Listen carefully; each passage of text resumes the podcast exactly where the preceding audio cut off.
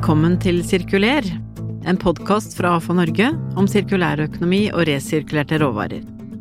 Mitt navn er Nancy Strand, og gjest i dag er Anders Legereid, administrerende direktør i NOA. Anders Legereid tok over som administrerende direktør i NOA i mai i år, etter et kort opphold i Gjelsten Holding. Før det kom han fra DNB og har lang fartstid fra finansbransjen. Han er utdannet siviløkonom og har en MBA fra Loyola Marymount University i California, USA. Velkommen til deg, Anders Legereid. Takk. Vi, vi, har litt lyst til å bli kjent med deg, for du er jo ganske ny i bransjen, så er det ikke så mange som kjenner deg. Så det håper vi får et anledning til nå. Mm. Men, men, hvordan var det du kom inn i NOA? Etter å ha slutta i banken, så fikk jeg anledning til å jobbe i Gjelsten Holding avtalen vår jobba med noen prosjekter, og de prosjektene som lå klare den dagen jeg begynte nett etter nyttår, det var to prosjekter i NOA. Så derfor så kom jeg ganske tett inn på organisasjonen og fikk lov til å være der. Og etter noen måneder så var der Carl kom og sa at han ikke hadde lyst til å, å være leder lenger, så han hadde lyst til for så vidt å være med, være med oss i NOA, men eh, da begynte jo et søk. Og etter uh, noen måneder så kom Bjørn Rune til meg og spurte eller ikke, han spurte ikke. Altså, nå har jeg bestemt meg, du må bare bli sjef i NOAH. Det må jeg si, det var en uh, overraskende sam ja, samtale. Ikke sant. Da, den beslutningen var egentlig tatt. Ja. Jeg kjenner jo Bjørn fra mange år tilbake, vi er gode venner, så siden han spurte, så uh, tok de iallfall opp til vurdering. Men jeg må si jeg hadde noen våknetter. Ja, det var en beslutning å ta. Men uh, han han ga seg ikke lett. Så vi ble enige etter noen dager, og da begynte det nesten med en gang. Ja, mm. og Carl, altså Carl Hartmann har jo mm. vært eh, administrerende i 18 eh, år. Mm. Ja, så han kjenner selskapet godt, men han skal være med videre som eh, spesialrådgiver og Ja. Nå jobber han med et prosjekt for oss, internasjonalisering. Men det er veldig godt å ha Carl, for han kan jo alt. og Jeg kjenner jo Carl godt fra tidligere òg, mm. sånn at det er greit å ha en å spørre om ja. forskjellige ting. For, ja. for, meg er dette veldig nytt og veldig ukjent. Ja, du er jo du er, ikke sant? Du er, du er eh, økonom og kommer fra finansbransjen, så ja. hvordan har det vært å komme inn i, i avfalls- og gjenvinningsbransjen? Det har vært veldig spennende. Altså, I bank så blir du jo Du kommer jo ganske tett inn på bedrifter, så jeg har jo vært tett inn på mange bedrifter i, i, opp igjennom og vært nødt til å sette meg inn i forskjellige ting. Og du, du kan jo litt om måte, hva er det som driver verdi, og hva er det som driver risiko i en bedrift. Men eh, det å komme inn og plutselig sitte der og ta ansvar for det, det var en ganske ja, stor overgang. Men det som er, gøy, da, det er jo at du opplever at det er en ekstrem kunnskapsmengde og veldig mye flinke folk. Mm. Som selvfølgelig jeg er mye mer avhengig av enn Carl var. Mm. Så, så, jeg er nødt til å lytte på disse menneskene, og, og, og det gjør jo noe med mennesker òg, når de på en måte blir på en måte mye viktigere i organisasjonen Eh, ja. Jeg sier ikke, negativt om måten Karl håndterte de på, men det er klart Jeg ble jo helt avhengig av de på en annen måte. Mm, ja. så, så, så, det tror jeg har vært en interessant eh, opplevelse, sikkert både for de og for meg. Og det som jeg er imponert over, er jo hvor mye flinke folk vi har. Mm, mm.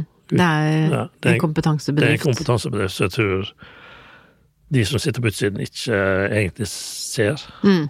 Mm. Så, så, det er morsomt. Ja, jeg tror faktisk det gjelder for mange av virksomhetene innenfor avfallsgjenvinningsbransjen. Mm. At når du kommer inn på dem, så er det, det er kompetansebedrifter. Ja. Uh, men du, du, må litt på innsiden for å, å, å se det så tydelig, da. Mm. Men da kan vi jo prøve liksom dette, en liten heistest, da, som, som det heter. Hvis du får muligheten til å liksom si kort nå, da. Hva, hva, hva slags selskap er NOAH? Hva jobber, uh, hva jobber NOAH med? Heistest tror jeg ikke vi skal ta. Men... Nei, kan, du skal få litt flere sekunder enn en, ja. Men eh, det er interessant, du er ny i selskapet, og, og mm, hvis du skal beskrive NOAs eh, arbeids- og forretningsområder, da? Vi ønsker å si at NOA er et eh, miljøselskap, og NOA håndterer uorganisk avfall i mm. alle kategorier. Og så er det veldig mange som forbinder oss med farlig avfall. Det er riktig å si at det er der vi kommer ifra. Ja. Og det er det vi har måte, den tydeligste profilen på. Mm. Men vi håndterer i dag aller mest inert avfall ja. i Engerdalen. Mm. Der har vi mottakskapasitet på 700 000 kubikk i året. Mm. Og så tar vi imot det som vi kaller ordinært avfall, som vi lagrer over eh, havnivå på Langøya. Mm. Der tar vi òg imot mer enn vi gjør av farlig avfall. Og så legger vi av farlig avfall i bunnen. Og der er vi jo på en måte den største og aller viktigste aktøren i Norge på farlig avfall. Mm. Men det er viktig å få fram at det er ikke alt. Ja. Mm. Og så har vi jo det siste altså, Jeg jeg jobba med prosjekter for NOAH før jeg overtok som leder. Det, det var to prosjekter, egentlig. Vi gjennomførte et kjøp av Rekefjordstrand Mm. nå i eh, siste dagen i august. Det har vi jobba med siden nyttår. Og det tar oss inn i en ny bransje. Før, Ja. før så har vi på en måte fylt opp krateret til tidligere virksomhet, men nå skal vi faktisk òg drive steinuttak. Ja. Og vi skal forhåpentligvis få lov til å fylle et krater som finnes der fra før. Ja. Men vi har kjøpt et selskap som har uttaksmulighet i 20 år framover, så vi skal drive steinuttak. ja. Mm. Og hvor eh, Rekefjord, eh, det kan være mange steder, så hvor i Norge ligger det? Det ligger i Sokndal kommune. Ja. Fantastisk sted eh, på Sørlandet. I Rogaland, da. Ja. Nesten på grensen mot Agder. Mm. Veldig vakkert sted. Men det har vært drevet steinuttak der i, i 60 år, så det er noen store mm, merker i naturen. Det tror jeg er riktig å si. Mm. Og der har vi fått anledning til å overta. og Vi har selvfølgelig ikke fått noe lov til å fylle noe i dette ennå, men vi har starta en prosess med de lokale myndighetene for å prøve å få lov til det. Ja. Og det er ordinært avfall. Mm. Så, det er, så, så mm, NOAs virksomhet er, er mer mangfoldig enn det mange forbinder det med, for det er jo Langøya, som du var inne på. Og nå skjer det spennende ting der, og det må jeg bare forte meg å spørre deg om. Fordi det, det er klart at det er mange i, bransjen nå som eh, ser med bekymring på utviklingen, da. At uh, hvis Langøya blir full og vi ikke har noe alternativ opp og går, men så kommer det signaler om at dere har, har eh, på spørsmål fra Miljødirektoratet begynt å se på hvilke muligheter er det. Ja, vi starta på vårparten en mulighetsstudie for å se hva kan vi gjøre for å forlenge mottakskapasiteten. Kan vi f.eks. lagre det som i dag er kalt farlig avfall, over kvote null? Altså, I dag så legger vi under havnivå så legger vi farlig avfall. Mm. Det er riktig å presisere det behandler farlig avfall. Mm. Vi tømmer ikke bare avfallet rett oppi der. Det er en ganske avansert behandlingsprosess som foregår før det går oppi der. Og Ja. det kommer ut som en, en gipsmasse. Uh, og så legger vi ordinært avfall over kvote null. Det er, jo- halve øya, eller mer enn halve øya egentlig, det som vi kaller for Nordbruddet, det er vi nesten ferdig. Det er, fylt, det er ferdig fylt med farlig avfall under, og med ordinært avfall over. Vi har toppet dette en del og levert det tilbake til befolkningen egentlig som et naturområde. Ja. Men Sydbruddet, der er vi i gang med fylla i under kvote null, og det har vi også brukt ganske mye midler på å utvide. Så vi har utvidet kapasiteten på Langøya allerede Mm. mer enn en gang før. Eh, men i dag så har vi kapasitet Med dagens regulering så har vi en kapasitet til ca. midt på 24. Mm. Kundene våre spør egentlig om kontrakter fram til 25. Ja, Så for de, vil typisk ha fem års Når vi fornyer en kontrakt, så Ja. skal de gjennom en femårshorisont. Mm.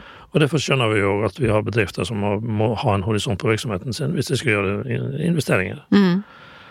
Så vi begynte å se på kan vi, kan vi legge det ferdig behandla avfallet over kvote null. For det finnes i, forskriften, som du sikkert kan bedre enn meg, det, så står det at du kan lagre det som kalles stabilt ikke-reaktivt farlig avfall. Mm. Det kan du lagre i et deponi for ordinært avfall. Og det er jo det vi har over kvote null, Mm. definert som. Men, og det- det finnes visse kriterier for at du skal kunne kalle det stabilt ikke-reaktivt. Så vi har kjørt tester nå siden i mai. Kan vi oppfylle de kravene? Og det gjør vi. For de aller fleste stoff så gjør vi det med en veldig god margin. Det er kun salt vi, vi på en måte ikke tilfredsstiller. Mm. Men det har vi allerede i dagens utslippstillatelse for- farlig avfall òg, så har vi et unntak for salt. Mm. Av at vi ligger i sjøen. Så Ja. salt i sjøen blir ikke betraktet som den store utfordringen. Og vi håper at det vil myndighetene se positivt på når vi nå kommer så langt at vi, vi søker. Det er veldig viktig å si at vi har ikke søkt om noe, selv om politikerne allerede ser ut til å innvilge det. Så vi har, vi har sagt at dette er mulig teknisk. Vi har testa over ganske lang tid og sett at vi er innenfor de kriteriene. Og, og det er òg viktig at på Langøya så er det et, eh, et veldig godt miljøsikringssystem, som vi kaller ringdrenering rundt hele øya. Ja. Så skulle det være sånn at, det, at mot all formodning at det skulle lekke noe ut av dette som vi legger over kvote null, så vil det uansett bli fanga opp i den samme ringdreneringen. Mm. Så sikkerheten bør være, det, den bør være i orden. hvis Ja. vi... Så det, det er egentlig det vi jobber med. ja. Det, ble, Så- det blir et langt svar. Ja, men jeg tror det er fint det, for de som, Mm. eh, som gjerne vil vite hva, hva skjer nå. For det er som du sier, at de selskapene som er avhengig av, eh, av kontrakter og, og en viss horisont, Mm. og midt på 24 kommer veldig fort. Så det, har jo, så det tror jeg er fint. Ja. Men, eh, men hva sier Har dere da fått noen signaler tilbake fra Miljødirektoratet på det dere har levert? Nå skal vi sannsynligvis møte dem neste uke. Ja, Så da, da har de fått tid til å lese så det vil si i, sånn i begynnelsen av oktober? Nettopp. Mm. Så da får vi en tilbakemelding sannsynligvis på hva de syns om forslaget vårt.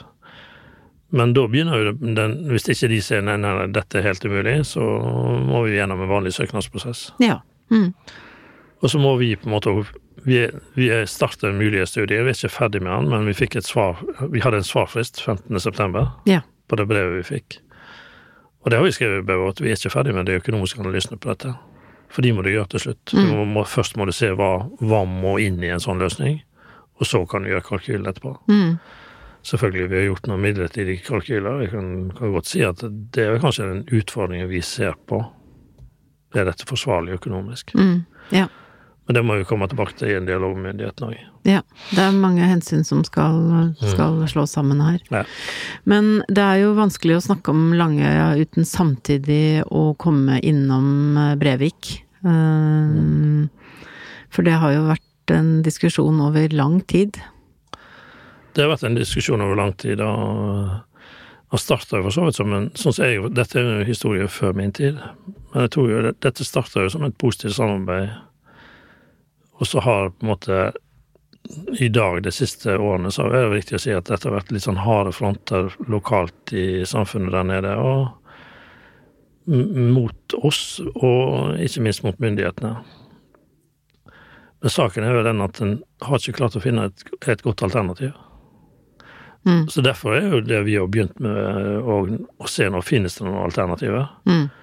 Og det alternativet som vi har skissert nå, gir oss på en måte et alternativ fram til 2030. Mm. Og da gir det jo både oss og myndighetene og, andre aktører, for all del, vi er jo ikke den eneste aktøren som jobber med farlig avfall. Vi har annet en aktør i Nord-Norge som heter Terrateam, som fikk det samme brevet, og som sikkert har sendt det samme, et svar også til myndighetene som ikke jeg kjenner til, Mm. på hva de kan gjøre. Mm. Men, i, men Brevik er jo Det er jo et gruvevolum der nede som har vært definert som et godt sted for dette. Og så må jeg tro det er riktig av oss i nord å si at eh, vi må nok også ta skylda for at ikke vi har klart å kommunisere godt nok og skapt trygghet for det produktet vi hadde tenkt å legge der. Vi mener jo at det er et sikkert og trygt produkt, men det, Mm. det er klart at det, det har ikke vi klart å overbevise folk om. Og jeg tror alle er enige om at det er behov for et sted å ha dette, men ingen som vil ha det akkurat hjemme hos seg selv, Mm. Mm. i sin egen kommune. Nei. Det, det ser vi jo i diskusjonen har vært andre steder, det som har vært oppe i, i debatten her òg. Mm. Men uh, nå har vi iallfall gitt en mulighet for en pustepause i, i akkurat den debatten. Ja. Og om ti år så Vi kan ikke vente i ti år før vi finner en lang løsning. For det, altså nå, nå ser vi at eh, vi har til 24, det er altfor kort tid i dag. Ja. Kommer vi noen år fram, så vil 30 være for kort tid i dag. Så det er et behov for å finne en løsning lenger ned i veien, men det gir oss iallfall litt tid på både å jobbe med å redusere deponibehovet, Ja. hvis det er mulig, og det gir oss anledning til å se på andre løsninger. Mm. Så med hva det blir, det tror jeg er altfor tidlig å si i dag. Ja. Det har vel eh, Nei, det er jo ikke tvil om at det har vært en tøff diskusjon over lengre tid. Samtidig som det har vært en veldig unison holdning i avfalls- og gjenvinningsbransjen, da, at vi Mm. må ha en løsning for, med et eh, deponi for farlig avfall. Eh, Så det har vært en krevende situasjon å stå i for selskapet. Det må det jo ha vært. Helt klart. Det har pågått over lang tid, og det har vært litt sånn steile fronter, og ja, det har vært en, på en, måte en ordbruk i dette òg, som selvfølgelig for mennesker som jobber hos oss, som, som er ordentlige, og hederlige mennesker, blir på en måte omtalt som om de ikke er ok. Det, vi, det er jo ikke vårt avfall, vi behandler jo avfallet mm, som andre kommer. Så hvis vi legger ned vår virksomhet, så, så løser vi jo egentlig ikke problemet med det. Mm.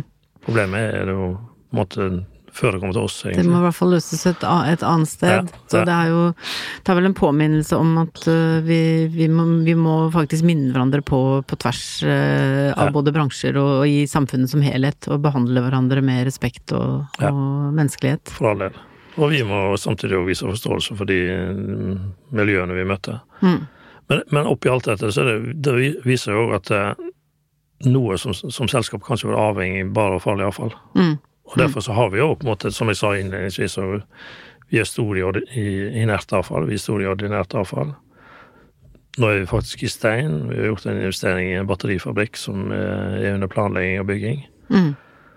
Så er det klart jeg tror, Når vi kommer til neste gang vi diskuterer dette, så må vi iallfall ikke nå være avhengig av at på en måte vi går ut av en sånn debatt med en løsning som er viktig for oss vi må kunne leve videre som et sterkt selskap, uavhengig av måte, hva som blir den neste deponiløsningen. Mm. Det er vi klokkeklare på. Men det har ingenting med våre ambisjoner å gjøre. Vi har lyst til å være der. Ja. Vi, vi, nå er vi jo inne litt på dette med verdier nå, og, ja. og det er jo litt interessant å høre litt eh, fra deg personlig også, sånn i forhold til hvilke verdier det er som driver deg, og hva, hva ligger som en drivkraft bak, eh, bak de, de valgene du tar, og den retningen du ønsker? Jeg har jo vært i en bransje lenge, i finans og bank, der på en måte det, det å være ordentlig og det å bygge tillit er veldig viktig. Mm. Og det tror jeg i denne bransjen her òg. Du må være ordentlig. Du må på en måte bygge tillit, og du må gjøre, gjøre tingene ordentlig, og det føler jeg folk i NOA gjør. Og har, det er en sterk moral i NOA for å gjøre liksom tingene sine ordentlig, og det har de gjort. Hvis en ser på det en har gjort på Langøy nå i 26 år, mm. så vil jeg si det har gjort, vært gjort veldig ordentlig. Og vi har en eier òg som på en måte er veldig opptatt av at ting skal være ordentlig. Mm. Ryddig og ordentlig, og, et, og, dette med HMS at det En ting er at vi tjener penger, og det skal vi gjøre. Det må du gjøre for å utvikle en bedrift. Men det har vært alltid sagt at det aller viktigste er at du ikke gjør noe galt. Mm. Og at vi er det noen ting måte, som skal brukes penger på, så er det måte, å gjøre ting sikkert. Både for folkene våre og for det vi holder på med, og at ikke noen måte skal ha noe å ja, utsette på oss på den måten vi håndterer avfall på, den måten vi håndterer mennesker på, mm. og miljø. Mm. Det, det, tror jeg eh, det ligger veldig, veldig høyt i, i pannebrasken. Mm. Mm. Så um, er det, er det mulig å, å, koble dette over til uh, det som du gjør i andre deler av livet ditt, når du ikke er på um, et av NOAs uh, steder? Ja Nei, altså jeg, jeg er jo veldig glad i å være ute i naturen. Så uh, vi har hytte med sjøen og vi hytte på fjellet, så når jeg har fri, så prøver jeg å være ute så mye som mulig. Mm. Så enten jeg går på ski eller paller kajakk eller jeg er i båt. Ja. jeg er vokst opp på ei lita øy på Vestlandet, der båtliv var en veldig viktig del av det du både ville og kunne gjøre. Mm. Og det preger vel kanskje litt eh, som er interessene mine i dag òg. Ja. Mm. Så jeg har faktisk hytte ikke så veldig langt fra Brevik. Ja. Så jeg er veldig opptatt av mm. det miljøet der nede. Ja. ja. Så mm. Da føler du det fra en annen, annen eh, kant ja. også? Mm, ja, ja, mm. absolutt. Mm. Men litt annerledes, og sjøen eh, på å si, langs Vestfold- og Telemarkskysten i forhold til Vestlandet? Ja, ja, absolutt. Det er stor forskjell. Men det er hyggelig uansett. Ja. Så det, jeg bruker mye tid på det. Mm. Så men det som du kanskje Det som du kanskje kommer inn i nå, da, fordi det som den, den denne ganske, som du har vært inne på, ganske het debatt til tider, mm. har ført med seg, har jo vært en ganske sånn stor drive da, i retning av teknologiutvikling, innovasjon. Det letes jo nå i store Mange selskaper i bransjen leter jo nå og holder på å utvikle ny teknologi tenker nyttig i forhold til hvordan fall iallfall oppstår. Altså, så det har ført med seg en innovasjonstakt. Absolutt. Den, den, den innovasjonstakten vi har bak oss, har jo ført til at det farlige avfall har økt. For at vi har vært flinkere til å ta ut Ja. farlige ting Mm. ut av eh, kretsløpet. Og det, det er jo den rollen vi har. Mm, Å sikre at ting ikke kommer inn i kretsløpet som ikke skal i kretsløpet. mm, Og til mer vi renser, til mer farlig avfall får vi. mm, Og nå kan du si eh, nå har vi rensa mye, men jeg tror det er mye igjen. mm, Og industrien får større, strengere og strengere krav til å måtte ta ut ting av oss som tidligere gikk i, ut i naturen. mm, Så den oppgaven kommer til å, å, å være der. Så ny teknologi tror jeg bare, og, og ny definisjon av hva som er farlig, tror jeg vil øke mengden uh, ting som må tas vare på. mm. Men selvfølgelig, det er ingen tvil om at vi deponerer mye ressurser i dag. Det er mye verdier som blir deponert, for Mm. at vi ikke har hatt teknologi noen, god nok til å få de inn igjen i i kretsløpet. Ja. Og der tror jeg det vil skje ganske mye framover. Mm, Det som er viktigst for oss i den sammenhengen, er jo at vi har et saltprosjekt. Så, altså I det avfallet vi deponerer på Langerøy i dag, så er det ca. 20% salt. Og det tror vi om noen år, så vil det gå ut igjen i, til industrien. mm, Er det andre ting vi kan ta ut? Vi håper på det. Vi håper egentlig at dette, kunne, dette er en ressurs som kunne vært brukt. Men det er noe med gjenvinning som en alltid må hvis det, kost, hvis det er større ressursbruk i å gjenvinne det enn verdien av de tingene du gjenvinner, så Ja. kan ikke du gjøre det. mm. Det er ikke bærekraftig. Og der er vi vel det som har vært utfordringen så langt. Vi vet at det er verdifulle ting i det som vi deponerer i dag, men vi har ikke på en måte hatt teknologi som har vært ressursvennlig nok til at vi har kunnet tatt det ut. Mm, Det tror jeg det Altså, vi snakket i, i sted om eh, horisonten fram til 2030. Ja. Jeg tror innen vi kommer der, så håper jeg og tror at vi har teknologi som kan ta ut en del av disse tingene, sånn at vi kan ta de ressursene inn igjen i kretsløpet. mm, Og vi har, vi har mange sånne Vi har et forskningsmiljø i, i NOA som jobber med å se på er det mulig å gå, å gå imot gipsindustri, er det mulig å gå imot betong, sementindustri, andre ting. Og, eh, og jeg tror i løpet av noen år så har vi sikkert kommet dit at vi har klart å gjøre det. mm. Men det er mye vanskeligere enn folk tror. Ja. Det, Mm. det er vel egentlig der, der jeg er, når jeg kommer litt på innsiden av dette. Mm, Du, du tror at det, ting er veldig enkelt, og du, du ser løsninger og sånt. Og løsningen er der, men det er for dyre, rett og slett. mm, mm. Eller det krever for mye ressurser, for mye energi og annen ressursbruk til at det er riktig, riktig å gjøre det der vi står i dag. Mm, mm. Så, men det er vel kanskje ikke for ingenting at eh, vi ser jo innenfor avfall- og sirkulærøkonomi egentlig, at eh, du får flere klynger, du får mer og mer samarbeid på tvers, det er tett samarbeid med, med prosessindustri, altså vi, der, der opplever jeg at det har skjedd utrolig mye de siste årene. Den, å tenke mye mer, være i direkte kontakt med den kunden som faktisk skal bruke de materialene du henter ut og så videre, da. Ja. Så det er vel en reise vi bare så vidt har begynt på. Ja, så tror jeg jo at myndigheten kan de bidra. Jeg tror de, de må bidra litt til å En må akseptere noen ting når det gjelder Vi skal ta ting fra avfall og inn igjen i, som en ressurs. Så må på en måte de som skal ta det i bruk igjen, må ha en stimulans Mm, til å ta i bruk. eh, Og det ser du Det, det er jo veldig mange gode eksempler på det. mm, Innenfor plast, for eksempel. Som, eh, det er jo ikke noe som vi håndterer så mye, men det mange, det, så det er veldig mange gode eksempler, og jeg er helt sikker på om noen år så vil vi finne eksempler innenfor det, de strømmene vi har òg. mm, mm. Og, og vi kommer til å bruke ressurser på det. Ja. Jeg um, syns det høres lovende, lovende ut. Um, altså, noe av det du sa da når du kom inn i selskapet i, i vår, var at du, du gledet deg til oppgaven med å utvikle NOAH som et miljøselskap. Og det er vel kanskje ikke Man har kanskje ikke kalt noe et miljøselskap før? Uh, Jo, det tror jeg. Det har, litt, det har, det har jeg kalt, kalt det. Ja. Men det, det som på en måte Hva ligger legger du i det? Vi er et miljøselskap, ingen tvil om at vi er en del av et, eh, et sirkulært, eh, en sirkulær økonomi. Mm. Men den viktigste jobben vi har hatt så langt, er å ta ut av sirkulasjon det som ikke skal sirkuleres videre. Ja. Sånn at vi sørger for at det som blir sirkulert, eh, blir riktig. Og så, som vi har vært inne på nå, jeg tror at vi skal finne ting som skal sirkulere av det som vi i dag deponerer òg, sånn at den oppgaven blir større. Og så er vi kanskje vi i framtiden investerer i nye ting. Og så Mm. har vi, som jeg sa, vi er, vi er 40% eier av dette Morrow Batteries. Ja. Og det er jo en, en ny industri Mm. som kan bli en veldig spennende industri i Norge, som absolutt er med på, på måte, å gi fordeler til klima og miljø. Mm. Men noe av det som du gjorde, er jo at du har opprettet en egen stilling som skal jobbe med bærekraft, øh, har jeg sett. Ja, vi, vi har en annonse ute akkurat i disse dager her, der vi egentlig vi kombinerer en stilling som vi kaller direktør for bærekraft og forretningsutvikling, og det illustrerer vel kanskje litt hva vi tror noe må ha fokus på framover. Det, Mm. det er to ting. Vi må heise bærekraftfanen høyere.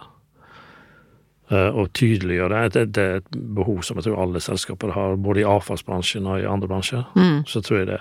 Du må ja, du må ha et ekte forhold til det. Mm. Det kan ikke være sånn grønnvaskingsforhold eller sånt. Men uh, Og så tror jeg vi må drive forretningsutvikling. Ja. Og de to tingene, iallfall for NOAS av del, så tror jeg det henger veldig mye sammen. Vi Mm. må finne bærekraftige eh, utviklingsmuligheter Mm. for bedriften. Mm. Altså, øh, det var vel kanskje noen som på et eller annet tidspunkt øh, tenkte mm, overlever noe av denne, denne striden som man har stått i, da. Eh, så Men her har man ingen planer om å legge inn årene, føles det Nei, nei, nei, for all del. Nå er et veldig sterkt selskap, og som jeg sa til deg, farlig avfall er det vi kanskje er mest kjent for. Eh, Men jeg tror det skal bli mye Det skal bli mindre viktig for oss framover. Vi skal fortsatt ha fokus på å være den beste aktøren der, men vi kan ikke være helt avhengig av det. Det må ha en mindre plass i helheten vår. Mm. Det tror jeg er riktig å si. Mm. Men det er ingen tvil om Vi skal heller ikke glemme hvor vi kommer ifra. For den kompetansen som finnes i selskapet, og den som på en måte der vi virkelig skiller oss ut, det er jo den kompetansen vi har på farlig avfall. Mm. Så den skal vi ikke glemme. Vi har Mm. masse mennesker både på både som ingeniører og forskere, men ikke minst de som driver operativt eh, virksomheten vår ute på Langøya, som har Mm. gjort det i mange år og vært med og skrudd på alle skruene der og fått det til å bli det det er i dag. Mm. Det er en kompetanse som ingen andre har, egentlig. Mm. Så det, det må vi ta vare på. Ja, nemlig. Men du som da har kommet ny inn i, i liksom hele, hele gjenvinningsbransjen, da. Mm. Hvordan, eh, hvordan tror du, liksom, som du sier, det å utvikle en sirkulær økonomi, eh, hva er det som blir aller viktigst for hele bransjen? Altså, vi var inne på dette med bærekraft. Og det tror jeg en må på en måte få et eh, ekte forhold til, og det tror jeg faktisk veldig mange har òg. En nå skjønte jeg at uh, det ligger veldig mye ressurser som må på en måte tas vare på i det som er avfall, eller det som vi før kalte avfall. Mm. Og det, det har skjedd mye, og jeg tror det skal skje, skje fortsatt veldig mye framover. Du ser det bare hva som skjer f.eks. i byggeindustrien. Jeg hadde jo ansvar for eiendom og entreprenørsiden i banken, og så jeg kjenner jo de aktørene veldig godt, og ser hva de hva en byggeplass må håndtere i dag i forhold til det, når det gjelder resirkulering. Mm. Der skjer det veldig mye som en ikke tenkte på for ti år siden, og iallfall ikke for ti år siden. Mm. Og det er en utvikling. Vi er ikke, vi er ikke ved enden av løpet der heller. Jeg tror det blir bare mer og mer av, av den type ting i, i flere og flere deler av samfunnet vårt. Mm. Mm. Så vi står med andre ord foran en, en, en spennende framtid. Jeg tror vi er en veldig spennende bransje. En bransje som eh, ja, er kanskje mer enn noen i en omstilling, da. Ifra å være på en måte en søppelbransje, for hvis du går litt tilbake Og det høres negativt ut. I dag er, bruker vi ikke det lenger. Vi bruker avfall, og jeg tror mer og mer så må vi snakke om ressurser. Mm. Vi håndterer masse ressurser Mm. som eh, kan bli gjenbrukt. Men vi må finne de kloke veiene å gjøre det på. Mm. Så mm, det har vært veldig spennende å høre litt om dine tanker. Mm. Så tusen takk for en fin samtale. Tusen takk, du òg. og takk til dere som har hørt på. Og takk til vår produsent Soundtank. Og har du andre innspill, eh, temaer du har lyst til å høre om i podkasten, så send det gjerne til sirkuler.afanorge.no. Mer informasjon kan du finne på nettsidene våre. Ha det bra!